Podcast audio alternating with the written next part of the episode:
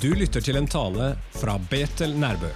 Vi håper at du vil bli oppbygd, velsigna og mest av alt at du får et glimt av hvor stor Jesus er.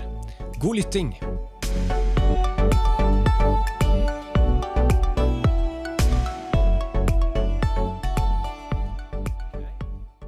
Vi er i Johannes' åpenbaring, som det heter på nynorsk.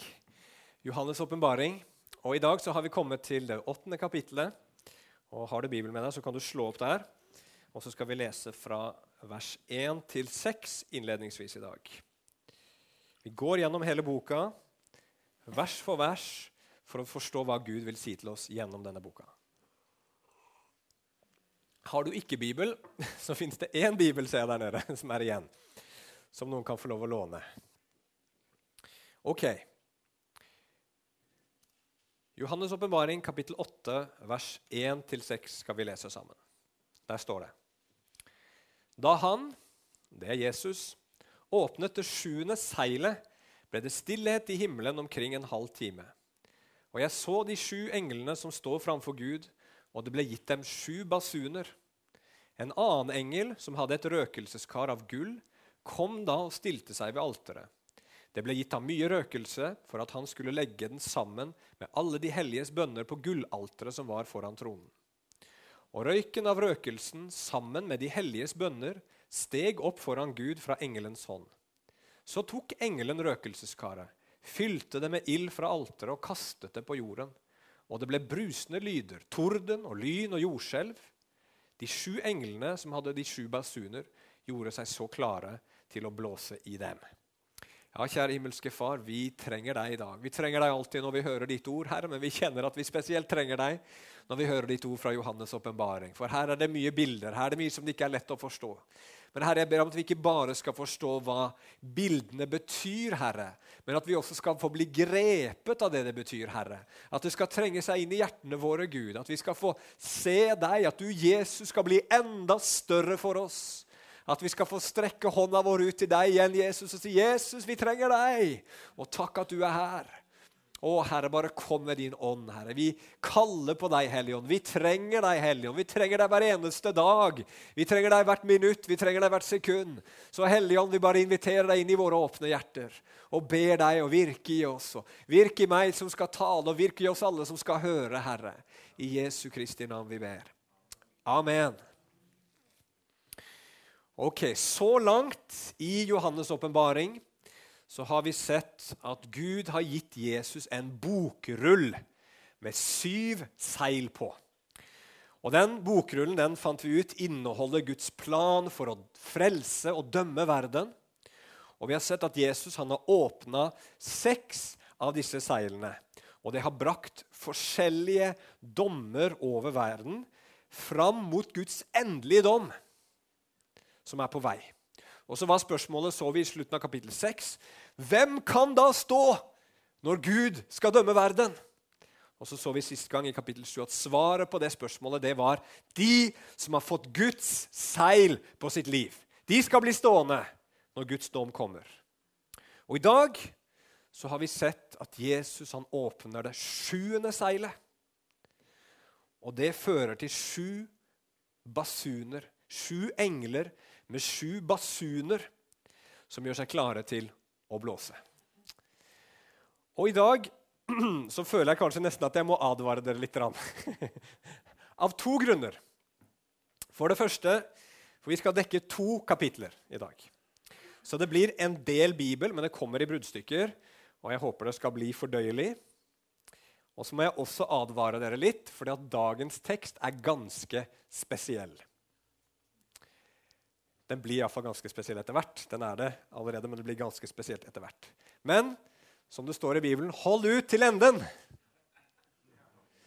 Følg godt med. Og så skal jeg, tror jeg ved Guds nåde, kunne dele noe som er veldig bra og oppbyggelig til slutt. Er dere med på det? Henge med?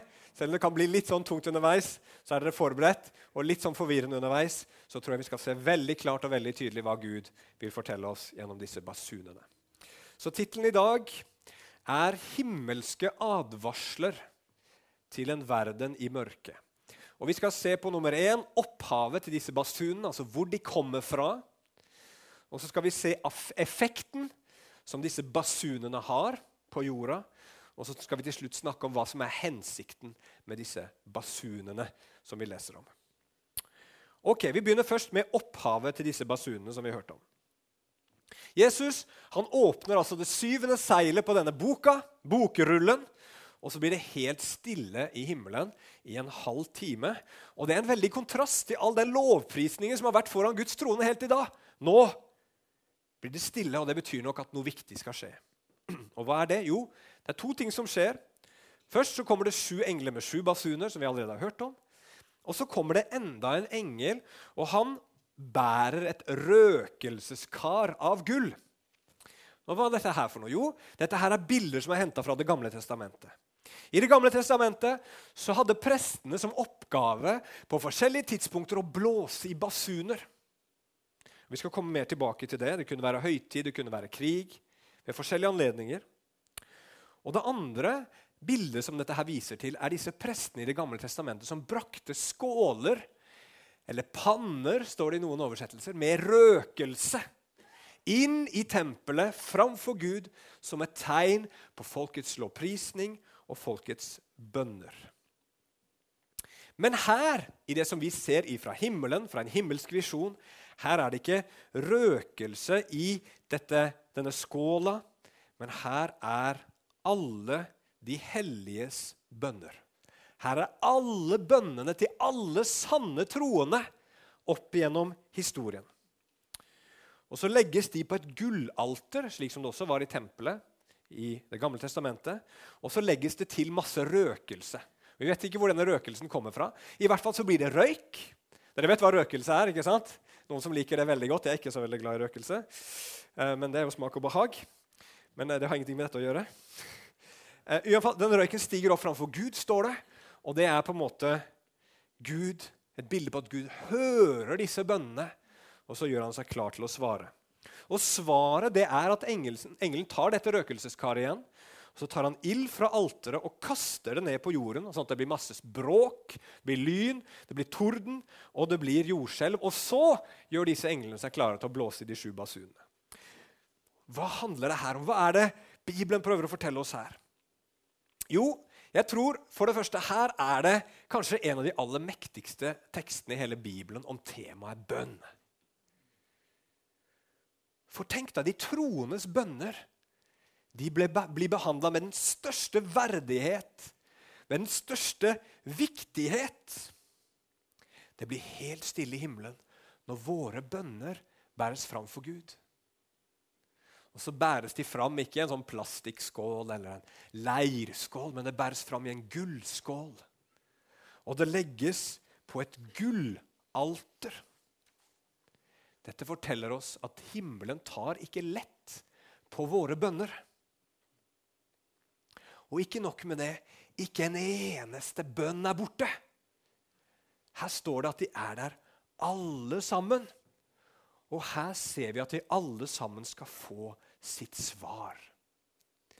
Og Så legges det røkelse til disse bønnene. og Vi vet ikke helt hva det er, men jeg kanskje forestiller meg at det har noe med Jesus å gjøre. Jesus sin forbønnstjeneste for oss. Jesus som ber sammen med oss.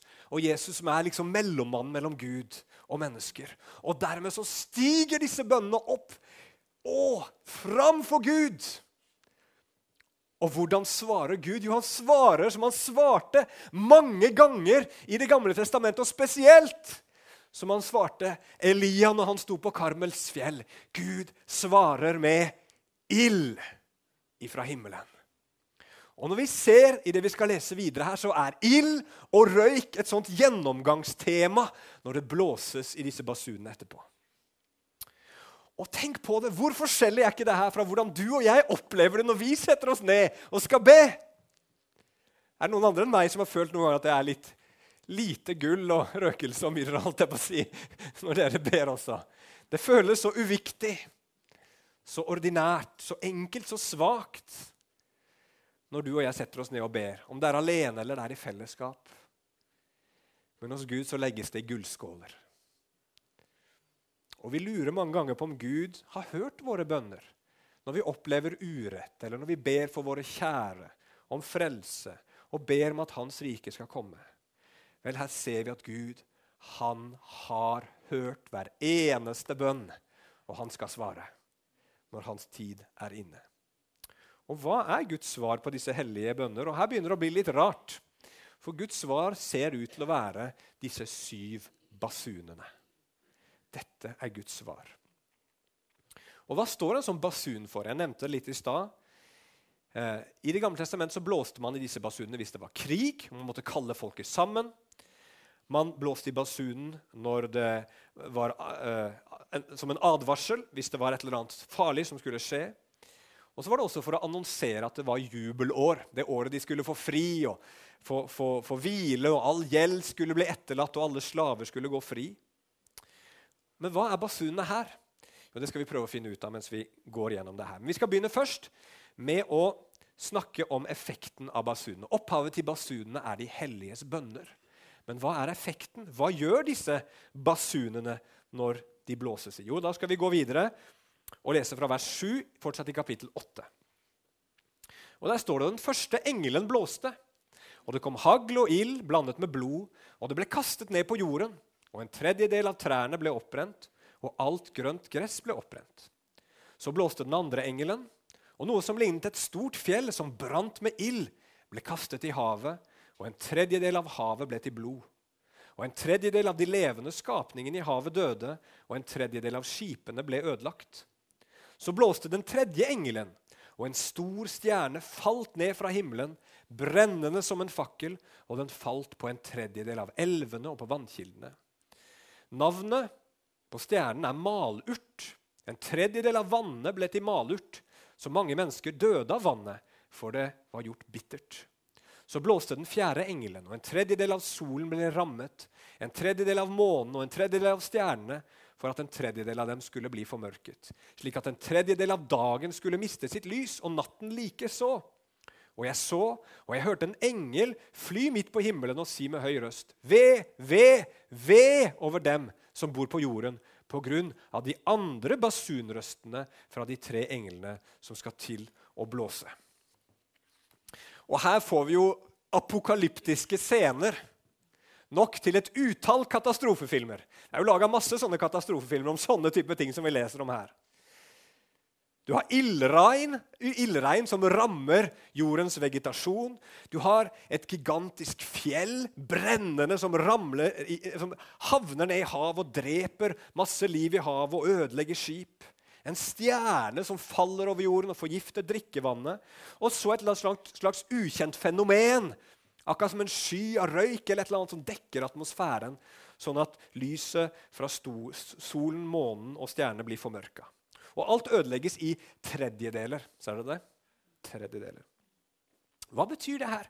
Hva er det dette her forteller oss? Jo, det forteller oss noe om at noe skal skje når det nærmer seg enden på denne tidsalderen, på denne verden. Og Noen tolker det bokstavelig. At når det står for at, eh, at det kommer ildregn et brennende fjell og en stjerne fra himmelen, og alt dette her, at dette faktisk kan snakke om, handle om asteroider, meteorer, som kommer fra verdensrommet, og som treffer jorden. Og Jeg har eh, gjort litt undersøkelser. Rent vitenskapelig så er ikke det så veldig usannsynlig. På Wikipedia så får du en lang liste over asteroider som passerte nær jorden i 2019. Massevis. Og det skal ikke mer til enn en asteroide på størrelse med en campingbil.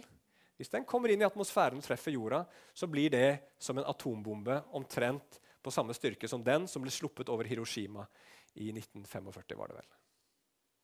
Og Kommer det enda større asteroider, så vil det jo skape enda mye større ødeleggelse. Og treffer det jorda, så vil det antageligvis føre til en stor støvsky som kommer til å dekke atmosfæren og hindre at lyset skinner fra solen og, og, og osv.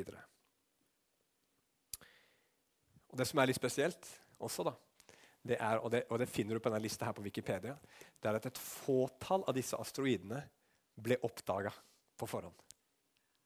Det var bare noen få. De fleste bare suste forbi. Oi sann, der kom det en asteroide som snurta jorda! Ingen av de traff. Det var én som traff en liten men den brant opp i atmosfæren i fjor. Så det kan være det. Andre tror kanskje det handler om atomkrig. Oddbjørn her han gjorde meg oppmerksom på en artig detalj i uka. Nemlig at Tsjernobyl på russisk, vet dere hva det betyr? Det betyr malurt. Så det er en urt som er veldig besk. Og det er jo navnet på denne stjernen som skal forgifte jordens drikkevann, så mange dør av det. Så kanskje. Andre tenker symbolsk at når et fjell faller i havet med ild, så er det et slags uh, symbolsk bilde på at Gud dømmer et eller annet rike. da, Eller en, en, en, en, by eller et eller annet, som, som, som, vi skal se senere i boka. Jeg vet ikke helt, Men det er ikke helt unaturlig å tenke her, synes jeg, at dette her godt kan være et slags fysisk fenomen som kommer på slutten av historien. Det som i hvert fall er veldig tydelig her, at det dras paralleller til Det gamle testamentet. Dette minner veldig om da israelsfolket skulle ut av Egypt. Og Gud sendte ti plager over farao og egypterne. Hagl, det leste vi om. Hagl, ild og hagl fra himmelen. Vann blir til blod. Vannkildene blir udrikkelige, og landet blir formørka. Så det er helt tydelig at det er noen paralleller her. Eh, og Så kommer det en engel, står det i vår oversettelse. Her noen har ørn eller gribb. Og i hvert fall så roper de ved over jorden, for de sier at disse første basuner de var ille. Men når det kommer tre basuner til, så blir de enda verre. Oi! Jeg sa det. Dette her kommer til å bli heavy. Og, og, og, og kanskje lurer du på det samme som meg. Det håper jeg, for nå skal du tenke litt. For dette her, som vi hører om nå, disse basunene Det er jo litt rart at de kommer som en respons på bønnene til de hellige. Hvorfor i all verden? Hvordan henger det sammen? Vel, Svaret kommer, men du må smøre deg med litt tålmodighet ennå. Men nå skal det også bli enda merkeligere. Jeg har sagt det at Johannes' åpenbaring er den merkeligste boka i Bibelen. Og nå kommer vi til merkeligste, det merkeligste kapitlet i den merkeligste boka i Bibelen. Så når vi har kommet gjennom det her, så kan du jo alt. Da, da overlever vi alt.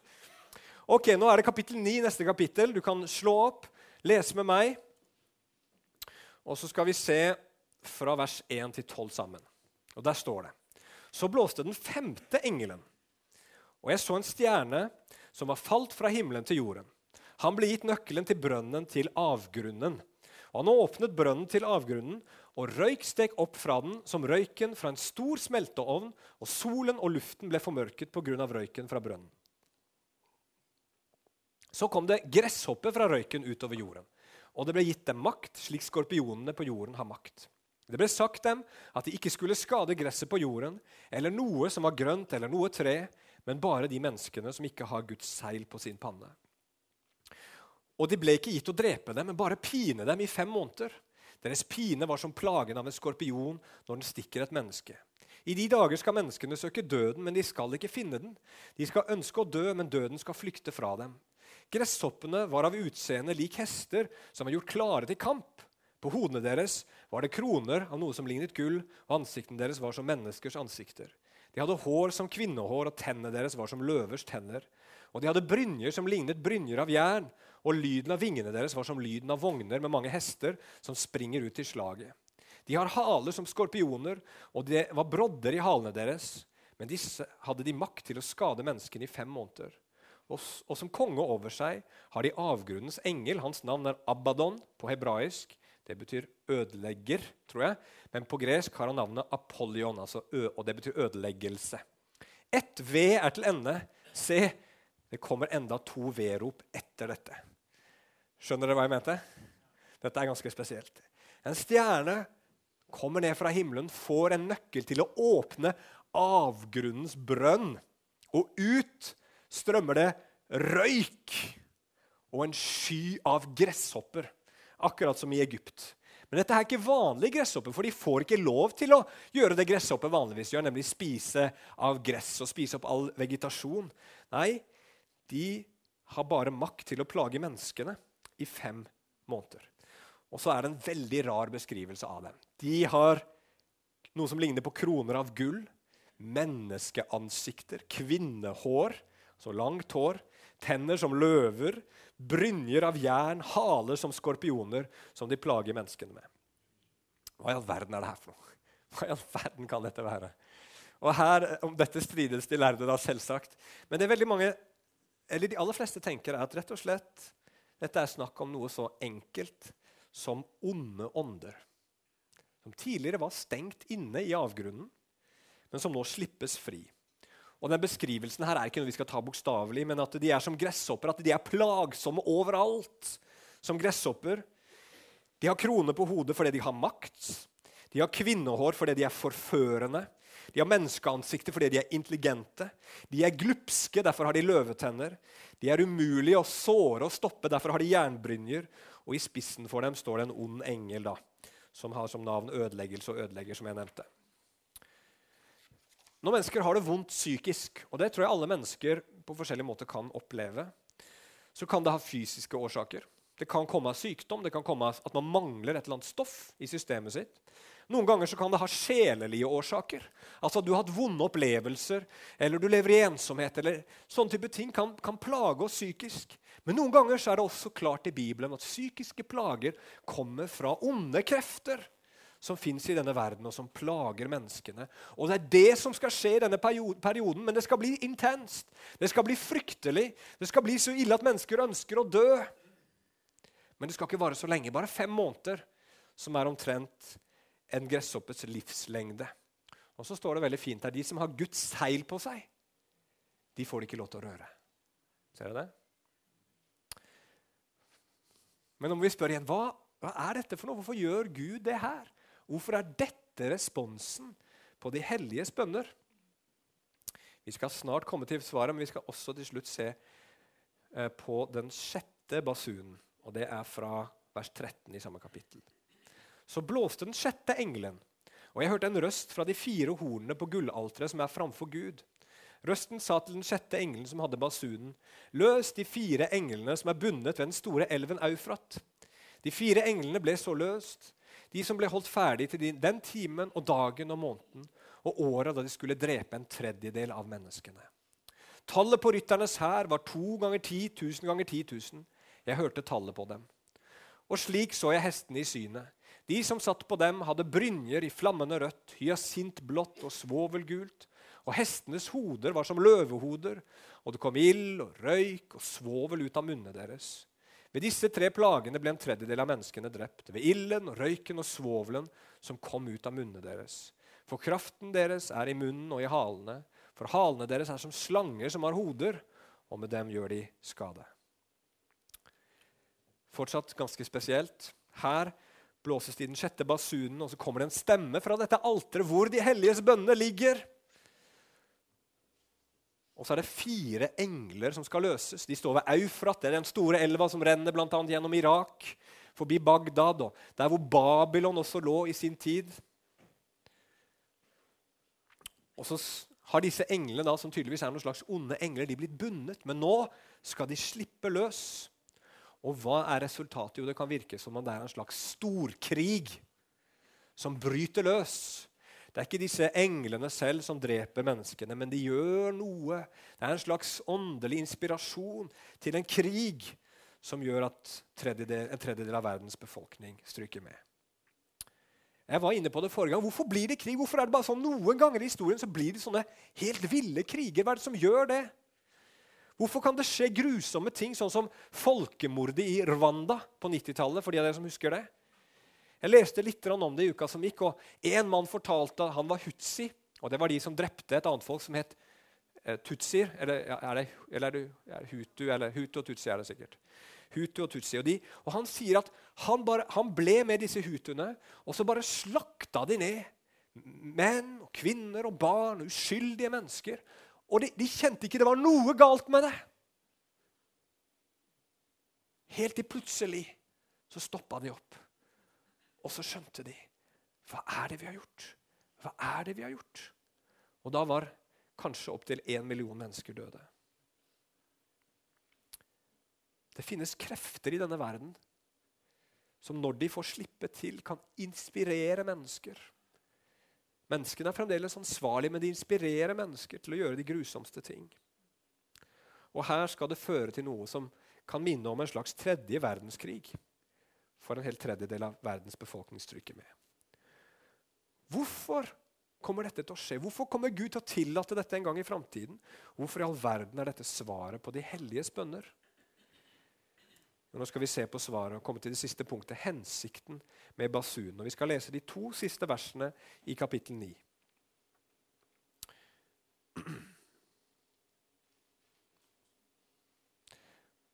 Og der står det men resten av menneskeheten, de som ikke ble drept ved disse plagene, omvendte seg ikke fra sine henders verk, slik at de sluttet å tilbe demoner og avgudsbilder av gull, sølv, kobber, stein og tre, slik som verken kan se eller høre eller gå. Og de omvendte seg ikke fra sine drap eller fra sin trolldom eller fra sin kjønnslige umoral eller fra sine tyverier. Den 5. november 2018 så våknet en mann i en leilighet i dette bygget her. Dette er 65 Rue d'Aubagne i Marseille i Frankrike. Der har jeg bodd. Og Han våkner opp og merker at ingen av dørene i leiligheten vil lukke seg. De går ikke igjen, noen av dem. Han blir ganske forundra. Og så begynner han å se når han skrur på lyset, at det er sprekker i veggene som han er helt sikker på ikke var der kvelden før. Og Han bestemmer seg for å filme dette. her, og Søker du på 63 eller 65 Rue d'Aubagne, Marseille på Internett, så kan du finne denne videoen her. Så Han filmer disse sprekkene, han filmer disse dørene som ikke vil lukke seg. Og Så forlater han leiligheten og har bestemt seg for at han vil gå og kontakte de ansvarlige for bygget og vise dem hvor ille det er. 15 minutter seinere raser bygget ved siden av. 63 Rudobain d'Aubagne, og drar med seg dette bygget som han bor i. Åtte personer blir drept. Og Det som er tilfellet, er at det har ikke mangla på advarsler fra eksperter. De har pekt på dette bygget og mange andre bygg i Marseille som er så gamle, bygd på så dårlig fundament og i så dårlig stand at det er fare for liv og helse. Og Bygget ved siden av 63 var allerede stengt. Det var murt igjen, som du kanskje kan se litt her. Det er noe, noe eh, sånne eh, plater over vinduene og litt forskjellig. Men ingen hadde gjort særlig mye. Men etter det her fikk man fart på seg. Her har vi et bilde forresten fra raset. Jeg tror det er fra den andre vinkelen. Men her ser du de to byggene som, er, eh, som har rast sammen. Men etter det her så får man fart på seg, og man evakuerer opptil 3000 mennesker fra andre bygninger i dårlig forfatning. Man skjønner alvoret. Hva var det Gud gjorde? Hvorfor blåser Gud i disse basunene? Jo, Gud får englene til å blåse disse basunene som sterke advarsler til menneskeheten. Han rammer bare en del, han rammer en tredjedel. Fordi han vil at menneskene skal våkne opp og venne seg til han. At de skal forstå alvoret. I Marseille skjønte de alvoret når en bygning raste. Og veldig mange av oss vet, men vi skjønner allikevel ikke alvoret. Men så er det når det skjer sånne ting, at vi våkner opp. C.S. Lewis han sa det veldig bra. Han sa smerte krever oppmerksomhet. Gud han hvisker til oss i vår nytelse. Han taler i vår samvittighet, men han roper til oss i våre smerter. Det er hans megafon for å vekke en døv verden. Og Opp gjennom historien så finnes det mange eksempler på historier om mennesker som begynte å søke Gud i vanskelige tider. Om det var personlige kriser, om det var nasjonale eller internasjonale kriser, så gjør det veldig ofte at mennesker begynner å søke Gud. Og Gud han gjør dette stadig vekk i menneskers liv. Han, han gjør det hele veien, for han vil vekke mennesker opp. Men når det nærmer seg slutten på verdens historie, så kommer Gud til å øke dette her i intensitet, fordi tiden holder på å renne ut. Men hvis du ser litt nøye her nå, så ser du at Guds kriser er ikke tilfeldige. Hvorfor gjorde Gud akkurat dette? Hvorfor regner dette over jorden og, og på en måte ødelegger den? Hvorfor slipper Gud løs disse onde åndene over verden? Jo, står det her, problemet til menneskene er først at de tilber sine henders verk. De lager seg avguder. De dyrker og tjener det skapte istedenfor skaperen. Og så kommer disse katastrofene fra Gud, og så viser han dem og sier, 'Se her! Denne jorda som du lever for, disse tingene som er her nede, de holder ikke. Dette er ustabilt, dette er svakt, dette svikter.' Du kan ikke bygge livet ditt på det. Han ryster jorden, som det står i Bibelen. Enda en gang. Og For det andre så er vi mennesker sånn.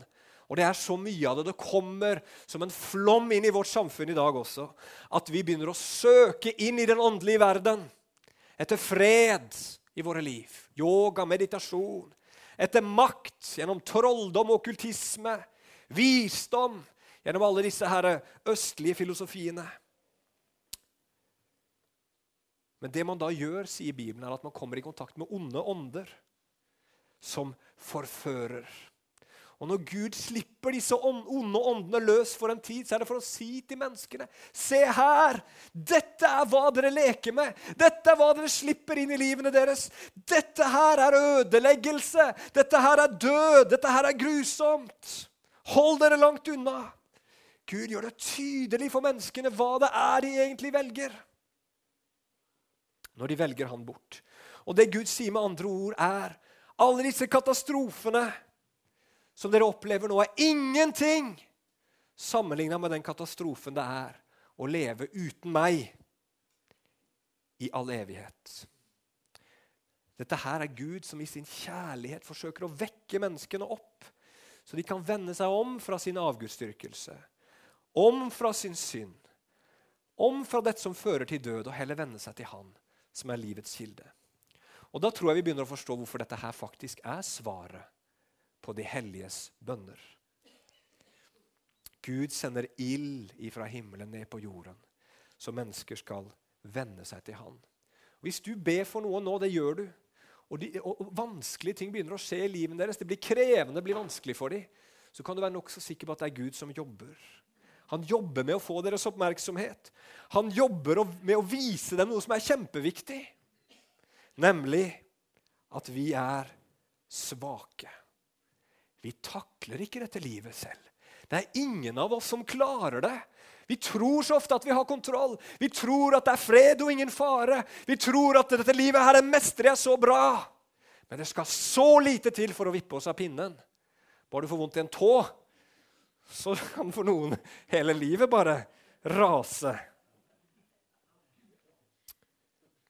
Vi trenger hjelp, og Gud må vise oss det. Gud må hjelpe oss til å forstå det, hvor svake og avhengige vi er.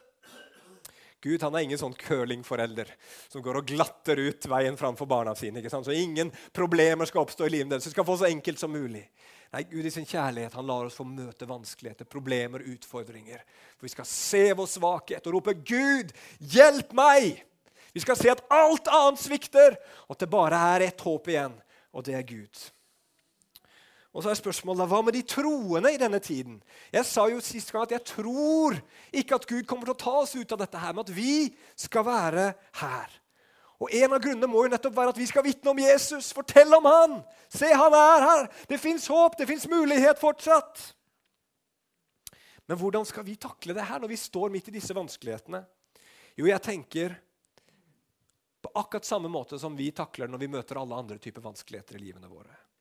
Når vi hører disse basunstøtene fra Gud, så skal vi høre på det som et kall til å komme nærmere Han. Når du opplever vanskeligheter i livet ditt, så er det Gud som sier, 'Kom nærmere meg'. Kom nærmere meg. For at du skal erfare at han er nok. Han er tilstrekkelig. Og Det var en som sa det en gang. Jeg har ikke erfart det fullt ut selv i mitt eget liv, men jeg tror det stemmer. Han sa at det er først når Jesus er alt du har, at du oppdager at Jesus er alt du trenger. Det er først når Jesus er alt du har, at du oppdager at Jesus er alt du trenger.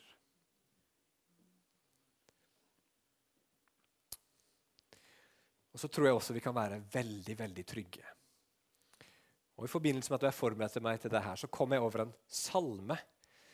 Husker dere hva vi leste om dette fjellet, brennende fjellet som ramla i havet?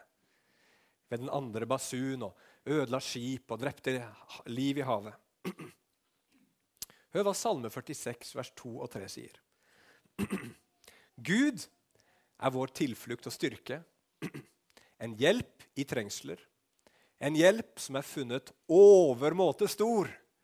Og så står det i vers 3.: Derfor skal vi ikke frykte, selv om jorden blir omveltet og fjellene blir kastet i havets dyp. Så så vi også, som jeg sa i stad, at disse onde åndene de har ingen makt over den som har Guds merke i, sin panne. Vi trenger ikke være redde. Vi skal få være trygge gjennom det alt sammen. Og selv om vi kanskje noen av oss må reise hjem i den perioden der, så går vi til himmelen, og så går vi til Jesus. Men det som er tragisk i det vi leste her, det er at i denne siste tiden så ble det ikke noe omvendelse. De ville ikke gi opp sine avguder, sin okkultisme, sitt sexliv utenfor Guds normer, eller sin pornografi, som ordet porneia kommer fra. Eller pornografi kommer fra ordet porneia, som er ordet for hor, eller seksuell umoral. Sine drap vil ikke vende om fra. Er det så mye drap, da? Vel, I denne verden her i dag så blir ca. 1000 mennesker drept, myrda, hver eneste dag, sier statistikk som jeg har lest. Men hvor mange barn dør ikke i mors mage hver eneste dag? Jo, statistikken sier 125 000 hver eneste dag. Men vi vil ikke vende om. De vil ikke vende om fra sin trolldom, står det her. Her er det ordet, et ord på gress som er brukt, som, som, som, som vi har på norsk i ordet farmasøyt. Noen tenker kanskje dette har med, med, med, med altså, substanser, narkotika, sånne type ting også å gjøre. At det kan også peke på det. At man vil ikke vende om fra sin narkotika, fra sine piller, fra sine eh, rusmidler. Ikke vende om fra sine tyverier. Hjertene til de siste menneskene i den siste tid skal bli så harde at de kommer til å være og Vi ser det egentlig allerede en tendens nå. Være sånn at de sier, 'Gud, hvis det å tro på deg betyr at jeg ikke lenger kan leve slik, tenke slik, identifisere meg på den måten, så vil jeg ikke ha noe med deg å gjøre.' Det er faren. Men kjære venner når Gud kaller oss til omvendelse, så er det alltid fordi han er god. Det er fordi han sier til oss 'slutt å drikke denne giften'. Slutt å fylle deg med det, for det fører bare til død og ødeleggelse. Det ødelegger deg, det ødelegger andre. Det vanærer mitt navn. Slutt å stole på det som ikke kan frelse. Slutt å bygge livet ditt på sand. Han roper til verden fordi han elsker den. For han vil ikke at den skal gå fortapt. Han vil ikke at vi skal følge de ting som bare bringer død og ødeleggelse. Så sier han, 'Min sønn er allerede død.' Jesus er allerede dødd for deres synder. Kom og ta imot frelsen. Kom og bli fylt med min kjærlighet og bli fylt med min ånd. Og så skal jeg gi dere kraft til et helt nytt og mye bedre liv. Det er budskapet som Gud vil fortelle verden. Så er spørsmålet var det her da helt nyttesløst. Gjorde Gud det? Og så var det ingen som hørte. Det kan virke sånn på det som vi leser, men det er ikke absolutt. Det står ikke at alle eller at ingen venter om. Det står de venter ikke om. Og Vi snakka helt til å begynne med og dette skal jeg avslutte med, om Egypt på Moses sin tid. Gud han sendte disse straffedommene over egypterne for at de skulle vende om. Og farao spesielt. Og Farao vendte aldri virkelig om. Han Han måtte bare bøye seg under Guds makt. Men så står det noen merkelige vers da Israelsfolket dro ut av Egypt. I 2. Mosebok kapittel 12 vers 37 så står det så dro Israels barn ut fra Ramses til Sukkot. Det var omkring 600 000 menn til fots, foruten kvinner og barn. En blandet folkemengde dro også opp sammen med dem. Og småfe og storfe, en meget stor budskap. I Egypt så var det ikke bare straff, det var frelse. Mange egyptere ble frelst og kom med ut av Egypt sammen med israelsfolket. Og jeg tror at selv om kanskje en veldig veldig stor andel av folk, folk i endens tid ikke vil vende om, så vil noen høre, og noen vil bli frelst. Og som vi skal se seinere i åpenbaringen, så kan det tyde på det. Amen. La oss be til slutt. Kjære himmelske Far. Hjelp oss akkurat nå, akkurat her, Herre og se at du er en god Gud. At problemet er ikke deg, problemet er oss, Herre. Vi er så dumme, Herre. Vi er så dumme, Herre. Vi er Jesus som Israelsfolket som forlot kilden med det levende vann. Og så hogde de seg i stedet ut brønner. Sprukne brønner, står det, som ikke kunne holde vann. Herre, det er problemet vårt i verden i dag. Vi søker alt annet enn deg, Gud. Det er problemet vårt i Norge i dag. Vi søker alt annet enn deg, Herre. Men Gud, jeg ber deg, Herre, i din nåde og din kjærlighet må du vekke opp det norske folk, Herre. Må du vekke oss, Herre, om du må ta all vår velstand bort, Herre Jesus, så vi kan våkne opp, Gud. Herre, så er det mye viktigere, Jesus, enn at vi får leve i sus og dus og gå fortapt. Herre, Jesus, vi ber om nåde for vårt folk. Ber om nåde for Europa og for den vestlige verden, Herre Jesus, som har vendt seg bort fra deg de siste 50, 60, 70 årene, Herre. Herre, hjelp oss til å våkne opp og se at den veien vi har gått på, ikke har brakt oss det liv og den frihet og den glede som vi trodde det skulle gi oss, Herre. Det er bare tomhet, og det er bare mørke. Det er bare meningsløshet, Herre. Å Gud, og vi ber om at vårt folk igjen skal se at veien, sannheten og livet er deg, Jesus. Amen. Oh, Amen.